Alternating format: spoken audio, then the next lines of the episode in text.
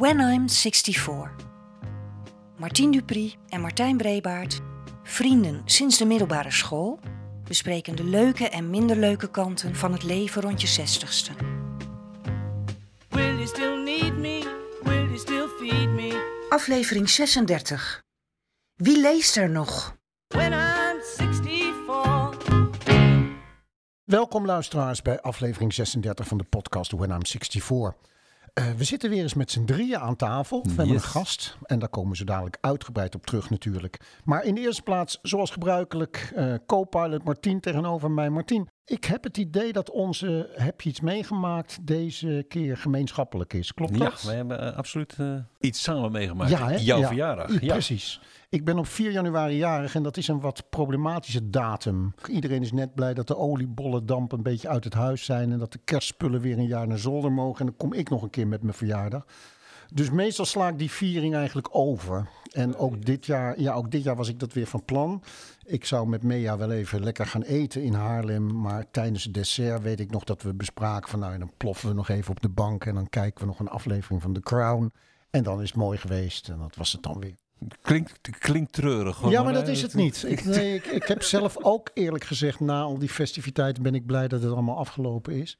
Maar goed, we gaan dus naar huis. Ik denk dat het acht uur, kwart over acht was of zo. En ik steek de sleutel in de deur, doe hier de deur van het halletje open. Surprise! En toen bleek de hele kamer vol te staan met naast de familie en dierbare vrienden. Eh, en ik heb een aantal keer een surprise party georganiseerd, maar ik ben nooit zelf het Slachtoffer. slachtoffer Nee. geweest.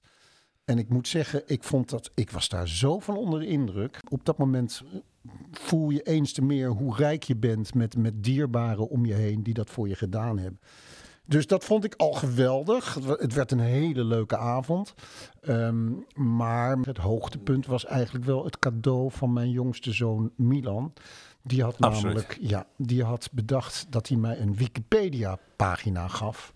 Nou, dat vind ik op zichzelf al een briljant cadeau. Maar als je ook beseft hoeveel werk hij daar aan moet hebben gehad, heb ik me nooit zo gerealiseerd. Maar los van het feit dat je dus natuurlijk de bronnen moet gaan vinden, want ze geven mij altijd op mijn kop dat ik daar niks over vertel. Daar ben jij met ze eens, dat weet ik wel. Maar hij moet dus gaan zoeken.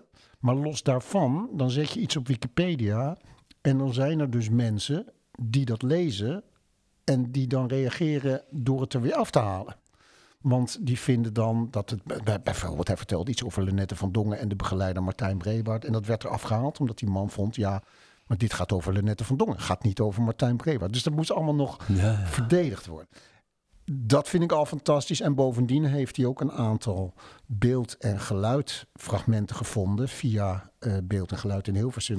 Waarvan ik zelf het bestaan niet wist. Dus een filmpje waarbij ik Lisbeth Lis begeleid. Terwijl ik dacht van nou, daar is helemaal niets van bewaard gebleven. Dus ik vond het werkelijk een ongelofelijke verjaardag aan meerdere kanten. Ja.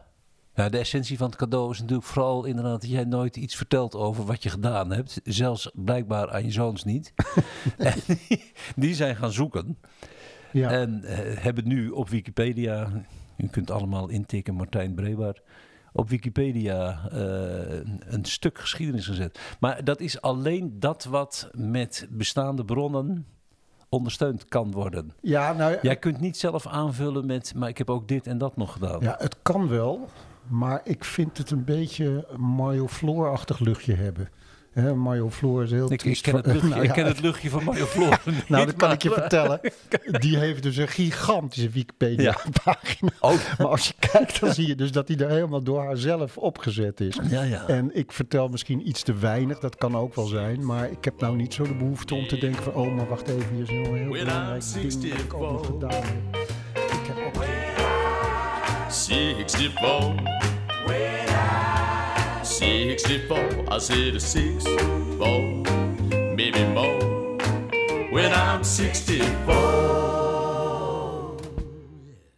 Dus nou ja, ik eh, in ieder geval eh, nogmaals eh, Milan en, en, en, en iedereen. En Mea natuurlijk ook, want het is echt heel knap dat ze dat zo stil heeft weten te houden. Ja. En ik was ook hartstikke blij dat jij erbij was. Maar echt zonder enige twijfel de mooiste verjaardag die ik ooit gehad heb. Ja. Dus eh, waarvan akte. We, we, doen, we doen het zonder surprise, maar wat mij betreft voortaan elk jaar gewoon 4 Ja, januari. traditie van maken? Ja. Om 8 uur, om 11 uur, voor, voor jouw gemoedsrust gaan we allemaal weer weg. Maar, Spreken we af dat eh, volgend jaar jouw Wikipedia-pagina. nou, dat is een heel kort paginaatje. Ja. Nou, in ieder geval een onvergetelijke dag.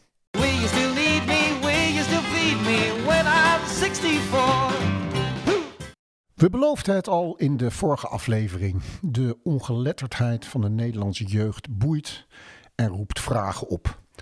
Het lezen, de literatuur, het literatuuronderwijs lijkt een centrale plaats in te nemen. Misschien eerst maar eens, Martien, wat persoonlijke gedachten bij dit onderwerp pingpongen. En dan begin ik met de eerste. Ik lees nog steeds nauwelijks. Lichamelijke beperkingen als leesbril nodig, lamp nodig enzovoorts weerhouden mij van het lezen. Als ik hond lees met een T, dan is dat voor mij niet zo'n eh, beest op vier poten. Weinig zo gezellig en veelzeggend als een boekenkast vol boeken in de huiskamer. Huizen zonder boeken zijn eng. Ik keek vroeger altijd uit naar een nieuwe Maarten het Hart of Jan Wolkers. Eh, zijn er tegenwoordig nog schrijvers waarvan middelbare scholieren wachten op een nieuw boek? Ik mocht geen abonnement op Donald Duck. Wel op Chris Kras. Weet je dat we ons vroeger konden abonneren op Bulkboek? Boeken die op krantenformaat en krantenpapier werden gedrukt. Toen schrijver Philip Huff bij ons op het ECL was, vertelde hij dat hij nog nooit iets van Mullis had gelezen. Het zal wel heel boemerig van mij zijn dat ik dat schokkend vind. Ja, wij moesten 60 boeken alleen voor Nederlands voor de lijst lezen voor ons eindexamen. En per taal, moderne taal, nog eens een keer 15. Ik weet niet, wordt er nu helemaal niet meer gevraagd naar boeken die je hebt gelezen? Ken jij voorbeelden waarbij de verfilming meer indruk maakte dan het originele boek? Ja, en dan had je bij die literatuurlijst ook die stomzinnige middeleeuwse literatuur die gelezen moest worden. Karel en de ene gast, Elkerliek. Ik kwam er niet doorheen. Nou, Turks fruit lazen we wel. Voor mijn gevoel werd er in onze schooltijd ook alleen maar door de taaldocenten iets gedaan aan literatuur. Toch mis je wel iets met zo'n e-reader. Ja, roep jij ook naar de tv dan als er weer iemand beweert dat iets groter of ouder is als iets anders? Zou zo'n leesclub nou wat voor mij zijn? Nou, had jij favoriete schrijvers? Ik zwijmelde bij Herman Hesse. Zouden er überhaupt nog uitrekselboeken bestaan?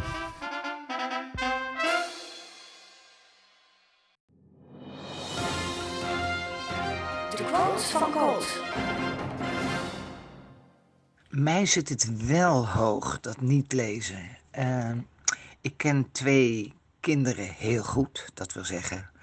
Ik kende de ouders heel goed en die kregen die kinderen. Dus die kinderen heb ik hun hele leven, die zijn nu volwassen, heb ik gevolgd. Die, kregen, die zijn voorgelezen, de ouders zelf lazen. En die kregen op eh, het gymnasium, ik heb het hier geloof ik al eens eerder gezegd, die kregen op het gymnasium één uur literatuur in de week en dan alles. Nederlands, Frans, Engels, eh, eh, wat dan ook, Duits misschien ook nog. Maar eh, één uur voor alle literatuur van de hele wereld. En dat is natuurlijk achterlijk. Want die, die hadden nooit van Tolstoy gehoord, nooit van Victor Hugo gehoord. Nou ja, als ze daar heel in de verte van gehoord hadden, dan kwam dat door de musical Les Miserables. Wat natuurlijk ook niet verkeerd is dat ze daar kennis van nemen. Maar goed, een van die twee is gaan lezen later zelf gewoon. Het leuk gaan vinden. De andere, die eh, was er totaal niet in geïnteresseerd. En die had het ook eh, eh, op school, had ze dan wel eens gehoord van de Ortolaan. Ik zei, lieve schat, het is geen adres. Je woont niet op Ortolaan 13, het is de Ortolaan. Dat is een vogel, dat is een boek van Maarten het Hart. Nou, geen idee. Maar die, die, die ene is dus heel erg zelf gaan lezen, de andere niet. Dus ze hebben alle eh, thuis alle voorbeelden gekregen, lezende ouders, voorgelezen. en dan de ene niet en de ander wel. Nou is het tegenwoordig natuurlijk wel zo dat je eerder een film op Netflix kijkt of een serie of op HBO of zo. En eh, dat dat sneller gedaan is dan een boek pakken. Maar ja, ik hou toch mijn hart vast. Ik ken trouwens ook een heleboel volwassenen die absoluut niet lezen. Ik vind dat heel erg.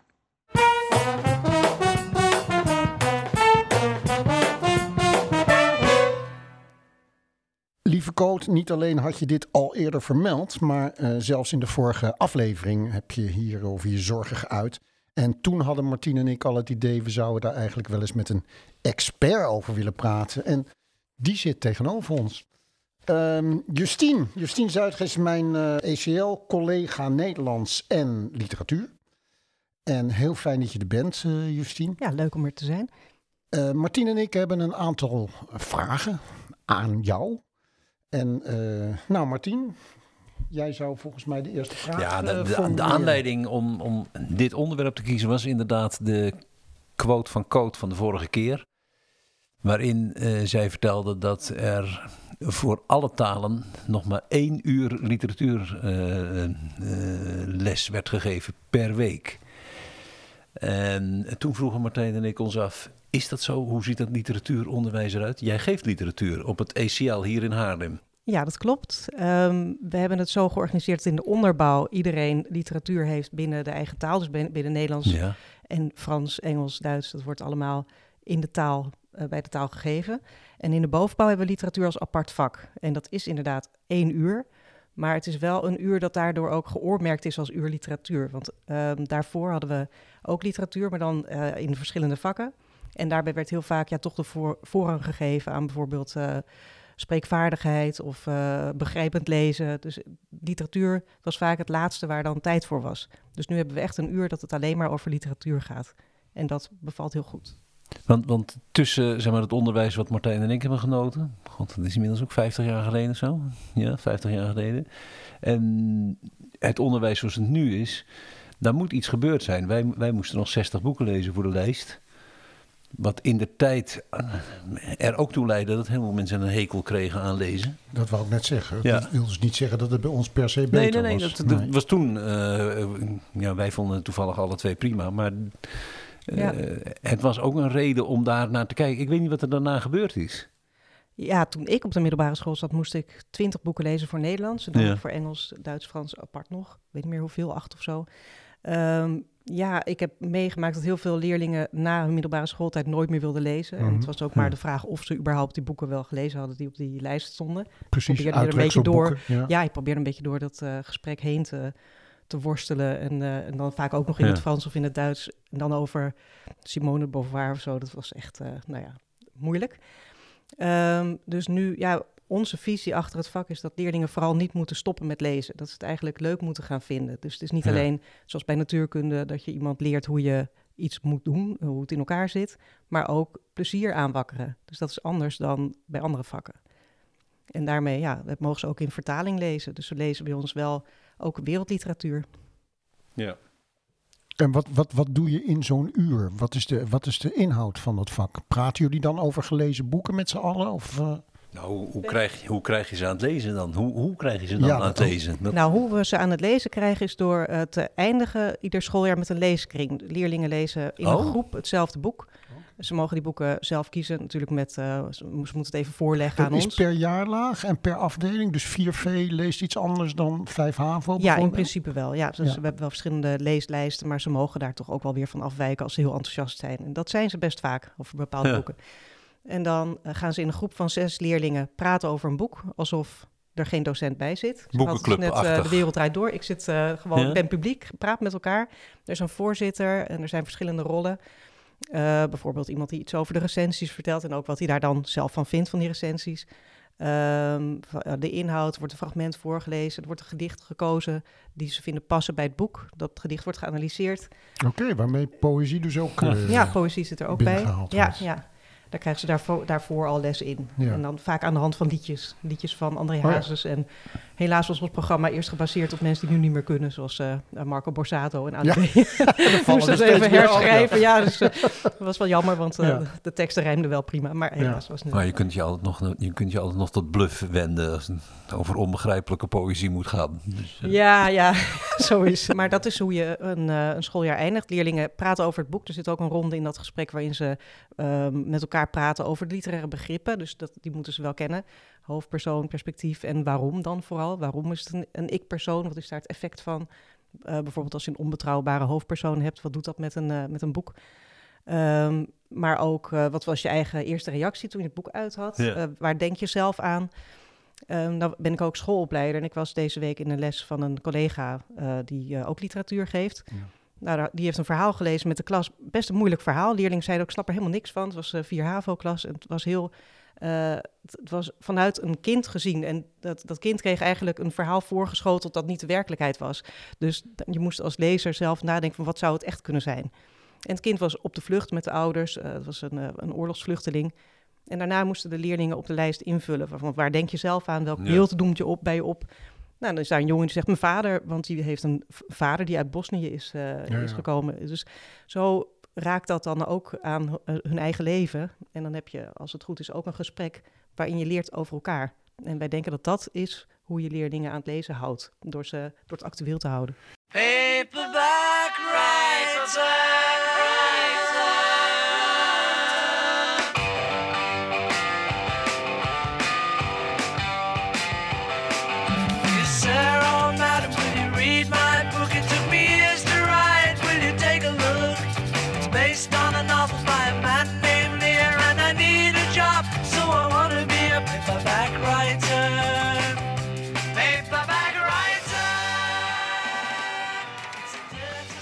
Jij hebt dat voor het ECL een beetje vormgegeven, Ja. volgens mij. Hè? Ja. Want is dit vergelijkbaar met literatuuronderwijs op andere scholen? Of is dat helemaal vrij? Nou, ik denk dat er nog eh, nou ja, één of twee andere scholen zijn in Nederland die, eh, die literatuur als apart vak hebben. Oh, echt waar? Zo Oh, weinig? dat, Ja, dat zijn- is, oh, ik dacht dit, dit standaard. Dat is wel Ja, goed dat, we ook.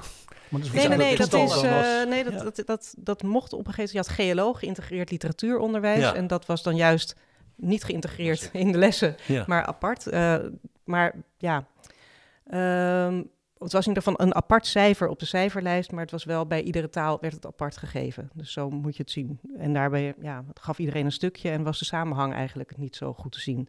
Dus toen dachten wij van, nou ja, of je moet weer helemaal naar literatuur binnen de verschillende vakken en dat dat Mhm. cijfer dan ook meetelt bij de verschillende vakken, of echt naar een apart vak literatuur. En toen zijn we naar een andere school geweest eh, en die, die het al deed. En eh, daar zijn wij geïnspireerd geraakt. En, heel praktisch, want er zitten natuurlijk leerlingen in die eh, klas die wel Frans hebben of die wel Duits hebben. Ze Ja. hebben niet allemaal hetzelfde pakket. Hoe, Nee. hoe zit dat dan?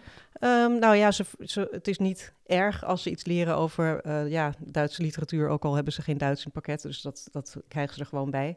Ehm, ze moeten ze zelf ehm, literatuurgeschiedenis voorbereiden in 5 VWO. Dus ze, ze, hebben, ze krijgen een periode op. Ah, een groepje bestudeert dan bijvoorbeeld de middeleeuwen. ja. En ehm, gaat dan één boek wat meer ehm, promoten uit die tijd. En daarna gaan ze dan in verschillende groepen. Dan heb je één leerling van de middeleeuwen, één eh, renaissance. En eh, gaan ze maar door. En dan vertellen ze aan elkaar wat, ja, wat belangrijk was in die periode. En ze adviseren dan hun boek. Dus dan, eh, ja, dan hoop je ja, dat ze dat boek dan kiezen en dat ze dat gaan lezen. Dus Martien heeft het net genoemd in een van de stellingen. Maar de- Karel en de Edegas en zo waar wij mee vermoeid werden, Ja. dat is nog steeds een dat deel. zit er dan nog steeds bij. Ja, ja. Verschrikkelijk. Ja. maar het is wel een keuze, heel eerlijk gezegd. Want het is niet Ja. voor iedereen. Niet iedereen hoeft Karel en Elegas te Nee, lezen. precies. omdat nee, je, dat was bij ons wel Ja, ja, ja, ja, Ja. ja. je moet een boek van voor 1880, dat is gewoon de wet. Dat. Ik vind het gek dat die eh, grens niet opschuift. Het zal literair wel een reden hebben als ik over nadenk. Maar ik vind het wel gek, want we lopen, zijn inmiddels eh, 50 jaar verder. En in mijn tijd was het ook eh, Ja, ja, Dat is- eh, 1880. ja, Ja. precies. Maar eh, dus er moet één boek van voor die periode gelezen, of voor, die, voor dat jaartal gelezen worden. Dus dat kan ook een ander boek zijn. Ja, maar Hey, ook iets even, Engels zijn. even de grote vraag natuurlijk. Dus als jij reageert op... Je bent minder negatief dan, dan Ja, Koot is in ja. haar. Ja, ik denk dat je, het, ehm, dat je een ander referentiekader op een gegeven moment moet krijgen. Van al die ouders die lezen en die kinderen die ook moeten lezen. Ehm, ik denk dat, dat het goed is om te lezen. Je hebt leesvaardigheid ook gewoon nodig in het leven. Ehm, Al was het maar omdat de examens natuurlijk ook steeds taliger worden hè, ja, de laatste ook dat. jaren. Dus taal is ontzettend belangrijk. Ehm, maar ik denk ja, dat leerlingen nog steeds leuk vinden om te lezen als ze, de, als ze boeken lezen die bij ze passen. En dat, ja, het- ik ben, ik, ja, ik denk niet dat, eh, dat het helemaal allemaal kommer en kwel is. Er komen nog steeds kinderen aan mij vragen of... Nou, we hebben dan ook zo'n actie. Dan eh, mag iedereen een boek eh, aan het eind van het schooljaar. Als we budget over hebben, dan bestel ik boeken. En dan mogen leerlingen opgeven welk boek ze graag willen lezen. Nou, dan komen er ook wel leerlingen vragen van... mag ik er misschien eh, twee of drie? Want eh ik Ja. vind lezen tegenwoordig zo leuk. Dus die, ja, daar, dat zijn toch meer de pareltjes waar ik me dan op richt. Ik denk niet dat je altijd iedereen enthousiast kan krijgen voor alles. Ook al vinden wij het wel belangrijk. Is er een soort, eh, ja, Martijn noemt dat kanon voor de Nederlandse literatuur? Je zegt, ja, maar je moet toch in ieder geval iets van Hermans gelezen hebben. Je moet iets. Ja, dat Bij die vinden wij dan. wij- nee, dat bestaat niet echt. We vinden dat zelf wel. Dus we hebben dan Ja. eh, dat we een boek in de klas lezen. En dat doen we dan bij Nederlands, omdat we daar wat meer tijd hebben. Dus Ja. daar sjoemelen we dan een beetje mee. En ja, toen- vorig jaar was ik eh, Nooit meer slapen gaan lezen met Ja. 6 VWO. En dan. Ja, het is nog steeds klas. natuurlijk een goed boek, maar poeh, dat is, ja, Ja. het boek is eigenlijk, dat ik zeg, ja, maar het wordt nog wel leuk, er er valt straks een dode. Ja. nou, dat gebeurde maar niet, ik, jee, wanneer, het was eigenlijk veel trager dan ik me herinnerde. Ja. En ik snapte de leerlingen ook wel dat ze echt helemaal niet begrepen waar het heen ging, waar het vandaan kwam. En ook woorden die je niet meer zegt. Eh, dus eh, dus nou, dit ga ik echt niet voorlezen. Dus, eh, dus ja, ja, meer racistische. Oh, echt Ja, waar? ja, ja, ja, ja, dat ja, Herman dat is wel natuurlijk van. zo. Ja. Dus dat, ja, dat, Dat zijn ook dingen dat, dat je moet wel proberen aan te blijven sluiten bij, bij leerlingen van nu. En ik weet ook, vind het ook belangrijk dat ze Hermans kennen, maar dan denk ik, nou, misschien moeten we toch meer naar korte verhalen, omdat dan, ja. Maar je brengt een heel nieuw onderwerp, dus waar ik nog helemaal niet aan gedacht heb. Maar zo'n boek als Turks Fruit bijvoorbeeld, kan dat dan Vinden ze nog wel? verschrikkelijk. Vinden ze echt verschrikkelijk. Ze zijn, Vanwege leerlingen zijn veel vrouwenvriendelijkheid? Of ja, de- ook, maar ze zijn ook veel preutser geworden. Oh, en ja. inderdaad, vrouwenvriendelijkheid. Oh. En ja, ze kunnen echt heel weinig hebben. Dat, maar mijn leerlingen, die vinden dit soort eh, teksten... Nou, ze laten wel aan elkaar lezen. Van, moet je nou toch... eh, Ja, heel maar wel, braaf, hè? ja, maar ze schrikken echt van, nou, wat is dit? Mevrouw, eh, wat is het voor Ja, ja, schrijver? ja, ja, ja. Ja, dus eh, ik Joost kan- Zwagerman zijn ze aan het lezen. Nou, dat gaat helemaal nergens over, zegt ze. Het gaat gewoon Ja, helemaal ja, ja. nergens over. Nou is het uit en dat is echt helemaal nergens over gegaan. dus eh, Ik kan me herinneren, vertel ik even tegen Martien, dat wij, waar ik heel trots op was op het ECL, van die, die, die, die literaire bijeenkomst waarbij we schrijvers uitnodigden. ja. Ja. En dat was Ronald Gippert was volgens mij een keer te gast. ja, meerdere keren. Meerdere ja, keren. Ja. En er waren er ook leerlingen die dan vragen aan hem stelden. Maar toen viel het me ook op dat die dat eigenlijk zo gênant vonden. Die eh, ja, ja, ja, ja, zijn zeker. een stuk kuiser in, Ja. onze, in onze tijd. Ja, Wij eh, werden natuurlijk getriggerd om te lezen, juist omdat als er een nieuwe Wolkers uitkwam, je weer wat kon leren, kennis. was ook. ja, Ja, veel wat beleven. Ja. Maar ik weet niet, bestaan, ik, in, de, in, de, in de stelling heb ik het ook gezet, bestaat dat nog? Dat leerlingen uitkijken naar een nieuw boek van een schrijver? ja, dat denk ik wel. Maar wie zijn die schrijvers op het moment? Want Nou, het, het- bij ons was leerlingen, Maarten- ik- voor mij was Maarten het hart. En er dan, zit, zit natuurlijk een, een onderstroom, is er, Ja. die eh, wij natuurlijk niet per se eh, allemaal kennen als Nee. docenten. Maar ehm, op TikTok wordt er heel veel eh, geadviseerd. Dus eh boektoks eh, oh ja, staan er. En dan, klopt. nou, dan komen leerlingen vragen, mag ik dit lezen? En dan kijk ik even en denk, nou ja, ze zijn zo enthousiast. En weet niet of de kwaliteit nou zo hoog is, maar laten we het dan als opstapje gebruiken. En eh, lees daarna is iets, nou ja, iets anders. Ja. Oh, dat is mooi. Je ziet, want dat sluit precies aan bij een vraag die we ook geformuleerd hebben. Eh, in de Volkskrant stond vorige week een ingezonden brief van een moeder die het storend vond dat haar kinderen in boekhandel of bibliotheek meteen naar een slecht geschreven boekje van hun favoriete YouTube-influencer keken. Aan de andere kant realiseerde de moeder zich ook dat ze waarschijnlijk al lang blij mocht zijn dat haar kinderen überhaupt iets lazen. Hoe zie jij dit? Bestaat er goed lezen en fout lezen? Nou, ik geloof daar niet in. Ik denk dat het goed is om te lezen. En eh, ik denk ook dat je niet kan beginnen met een boek dat je niet leuk vindt. Ik heb ook vaak genoeg, dan sta, dan sta je in een boekhandel, dan kijk je een beetje zo Ja. door die bladzijden en denk je, nou nee, dit is niet, daar heb ik geen zin in. Nee. Dat, is, dat vind ik helemaal niet gek. Maar je had het wel net over opstapje. Ja, dus, dus, dan uiteindelijk... ga je, ja, dus uiteindelijk is het wel de bedoeling, tenminste bedoeling, nou ja, dat vind ik dan ook weer zo. eh, maar het is wel onderwijs. Dus ik vind het is goed als je woorden leert kennen die je nog niet kent. Maar dat is meer eh, vanuit de taal. Dus ehm, denk ik dat het goed is om op een gegeven moment een iets moeilijker boek te gaan lezen. Mhm. En misschien ook wel een boek waar wat meer diepgang in zit.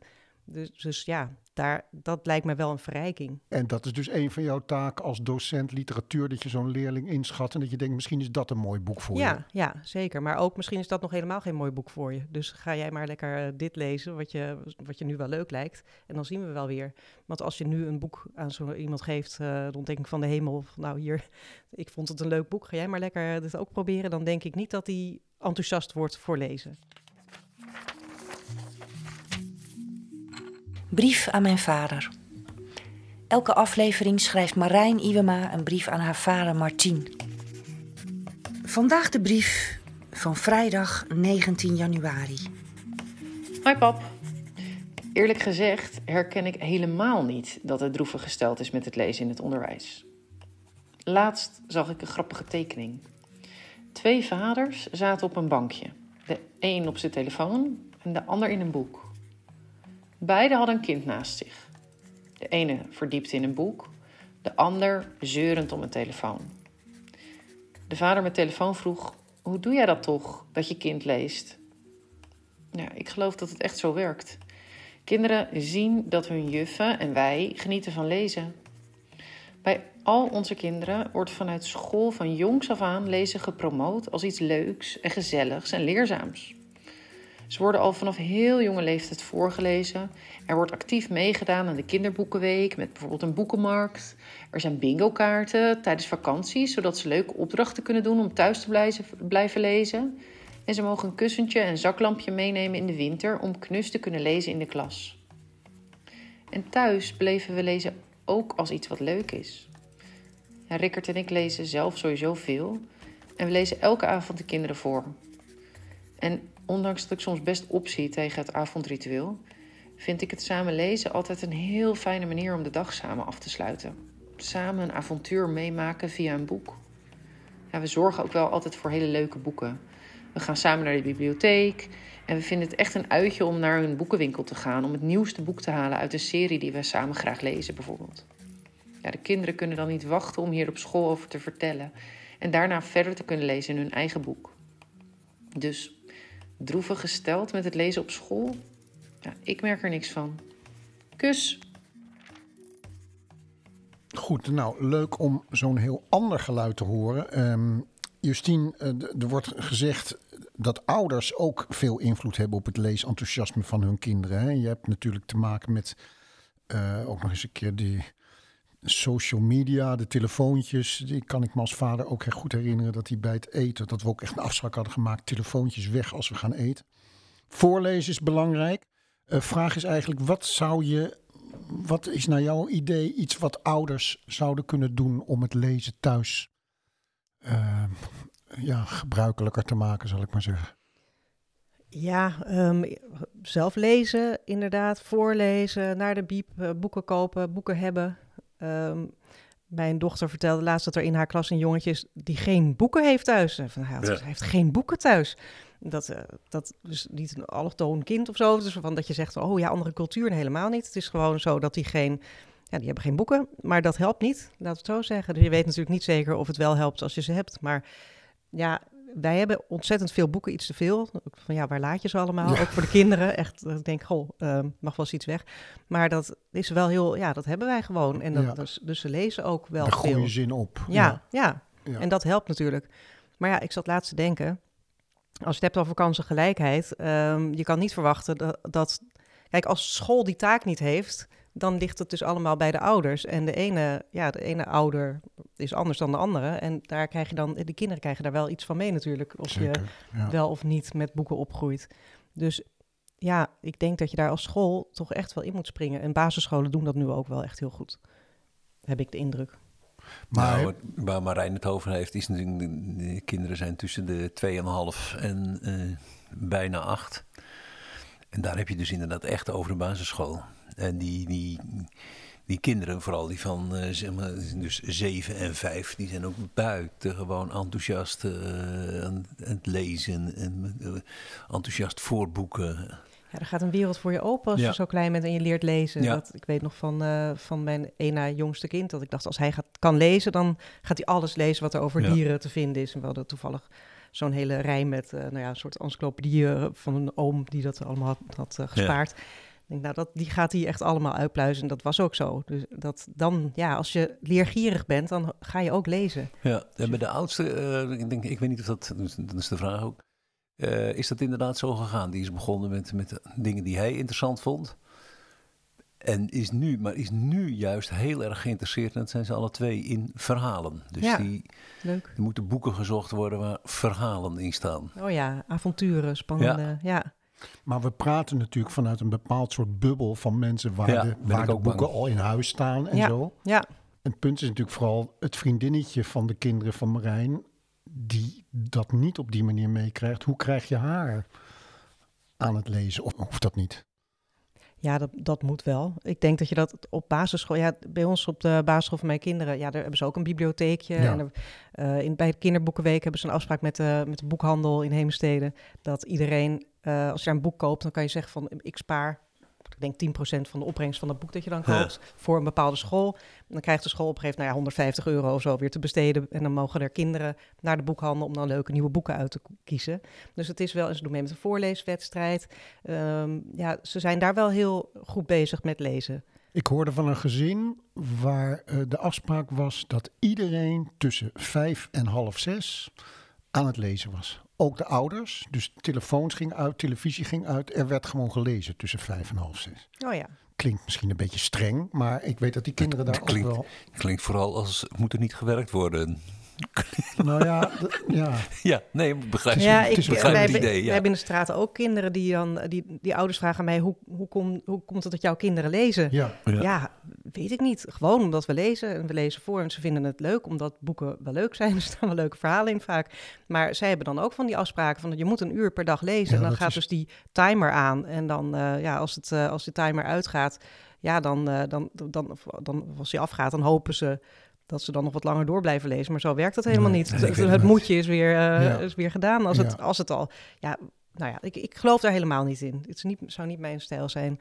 Ja, Maar het- ik- ja, ik- schijnt wel te helpen om, om zelf ook te lezen. Dat doe ik nu ook wel in de klas. Dacht ik, ik ga het ook even doen. Want wij lezen iedere les de eerste tien minuten. Iedereen Nou ja, moet precies, lezen. dat, ja. dat ook, ja. Dus ik dacht, nou, ik neem mijn boek mee. Maar hij is bijna uit, dus heel spannend.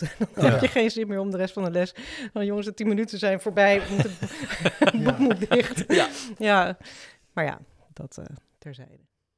Ja, ik denk dat ik ben gaan lezen. eh, Ik weet, mijn eerste literatuur was herinneringen aan een bramzeigertje van, ik denk Jan de Hartog. Mhm. Volstrekt onbegrijpelijk. Ik was tien. Maar juist het mysterie dat je het niet begreep. En dat het wel heel spannend was. En dat het iets was wat geschreven was, maar niet voor jou bedoeld. Dat maakte het juist eh, fantastisch. En naderhand, zeg maar, alleen op de wereld. Dus, eh is het? Hector Malot. Maar wat ik, interessant, Huilen bij het verhaal natuurlijk. wat ik interessant vind, Martien, hebben we het wel vaak over gehad. Wij komen natuurlijk uit een heel ander milieu. Kun je wel zeggen. Ehm, ik herken heel erg wat jij zegt. Wel een gigantische boekenkast. Dat was een schatkamer. Dus je pakte gewoon een boek en dan, eh, als je geluk had, was het, kwam je een soort Turks fruit tegen. maar boeken die ontzettend saai waren. Maar ik heb ook een heleboel ja, schoonheid ontdekt. Maar voor zover ik me herinner, hadden jullie geen, geen boekenkast in de nee, kamer nee, staan. Nee, nee, maar mijn, eh, eh, mijn moeder, die, de- dat was natuurlijk vroeger zo. Mijn moeder vond het wel heel belangrijk dat haar kinderen naar het lyceum gingen. Dus eh, er werd niet moeilijk gedaan over naar de bibliotheek gaan, wat eh, ik geloof 6,5 kilometer fietsen was. Maar er werden dan wel zes boeken gehaald en niet met haar, dus je- mocht alleen op die fiets naartoe. Boeken gehaald en dan, eh, ja, ik, ik las heel veel.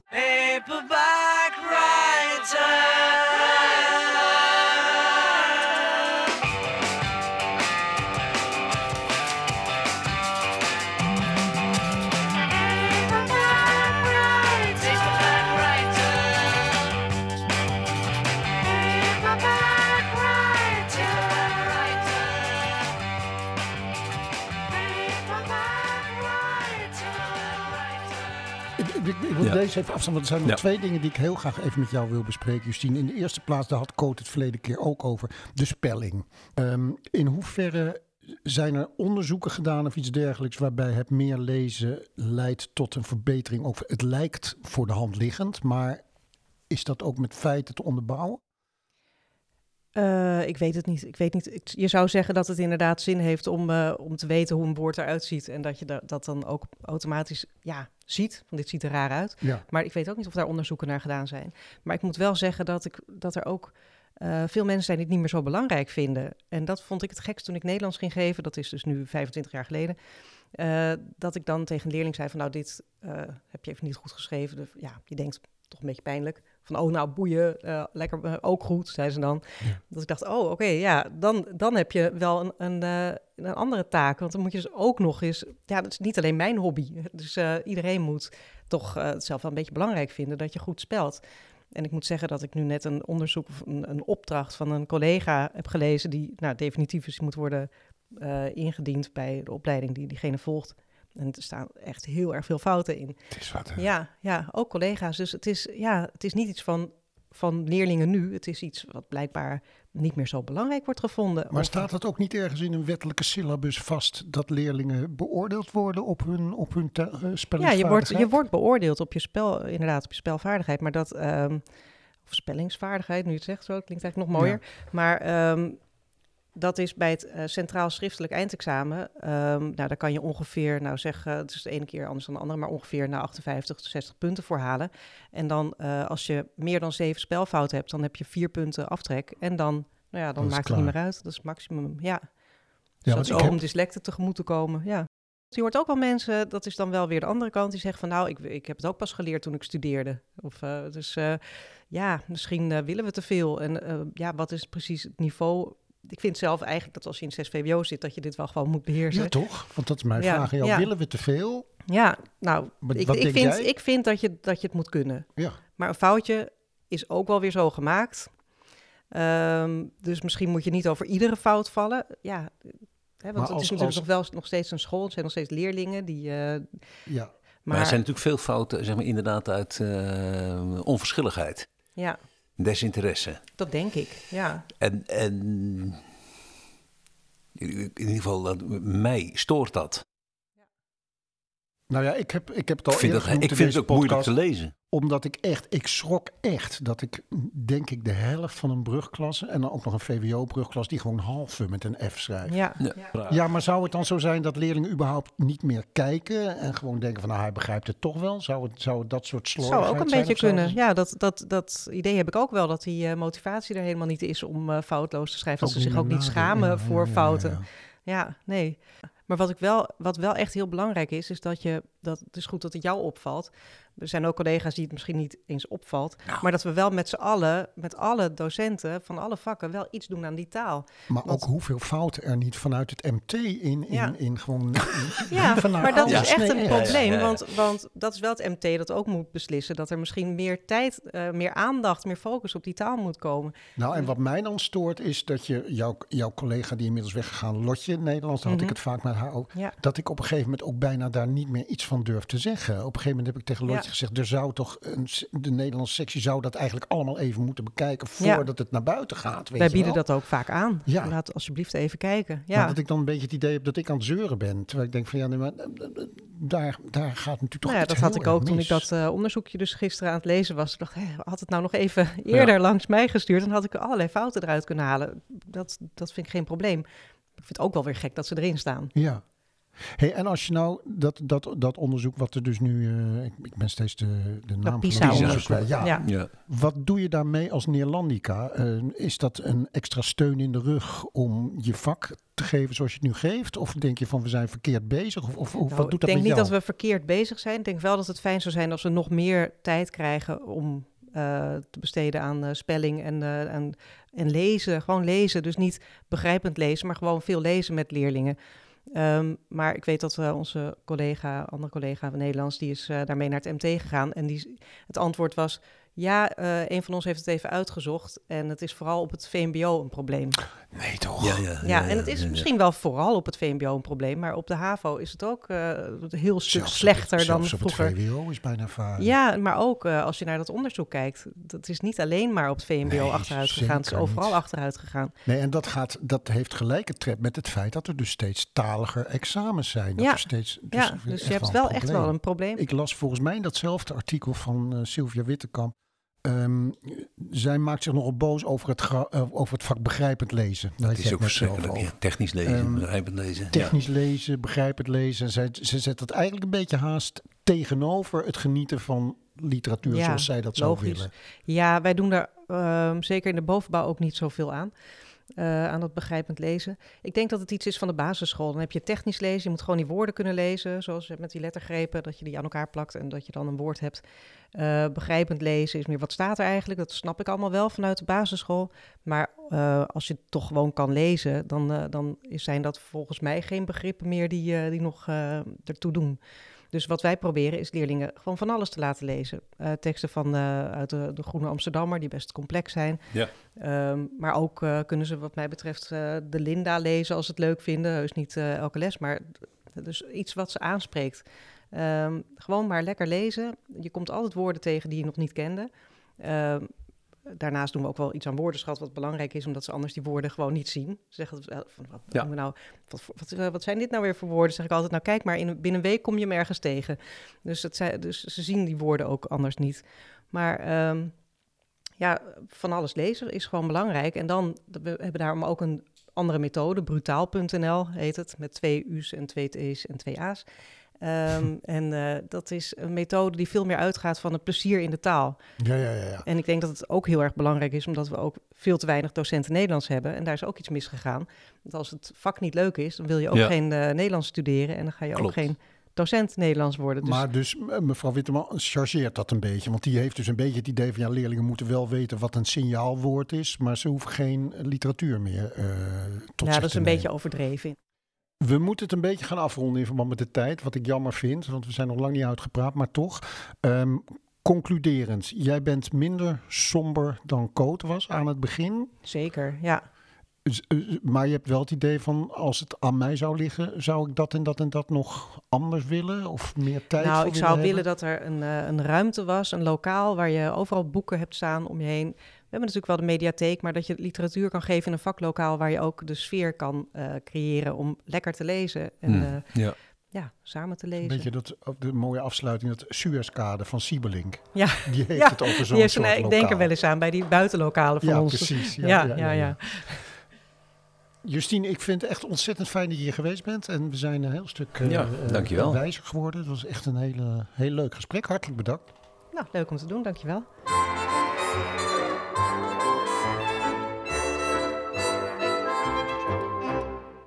En daarmee is het tijd voor misschien wel mijn favoriete deel van de podcast. Het Ivo de Wijslied. Ehm, het nummer Betoog of Betoog komt uit het programma Tussen Zomer en Winter van Jasperina de Jong en Erik Herfst. Het programma komt uit 1980. Ivo was toen al een soort hofleverancier voor eh, Jasperina. 1980 is de periode van kabinet van 8-1. We zullen die naam voorbij horen komen in het nummer. Eh, de knappe tekst waar je de tekentafel in terug hoort, dus het zweet van het ambacht, gaat over het verkeerd afbreken van woorden. Waardoor een woord als balkanker plotseling balkanker wordt. De muziek is van Joop Stokkemans. Premier van Acht las uit de Bijbel en zijn vers. Ober. Ik verg dat van mijn eutie ook thuis en ik verg. Eet de asperges in oktober. Ons toekomstplan is echt geen blauwdruk die ik verf. Rommel. Het Westen slaapt, de Russen trekken op en af. Rika ontwaakt uit diep gedommel. De wereld wil ons steeds misleiden en ons bed erven. Maar van premier tot minister zien wij de vrede staken. Maar ook de boer, de smid, de pekbroek en de pij. Plasser. De handen aan de ploeg, zowel de rijke prof. Eet als de armste vierde klasser.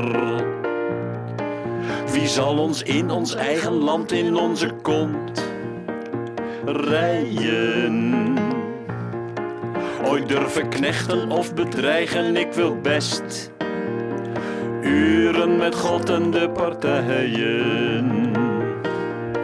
Het volk wil brood, ik geef het volk oren. Het volk wil spelen, ik geef het toe.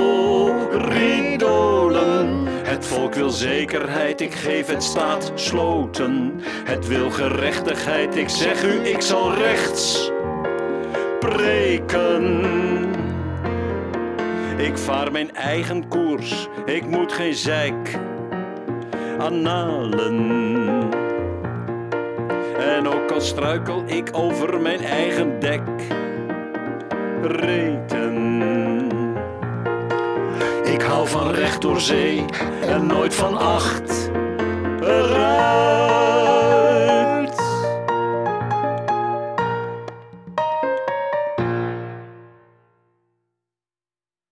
En dat was hem, aflevering 36 van de podcast When I'm 64. Over drie weken, aflevering 37. Tot dan!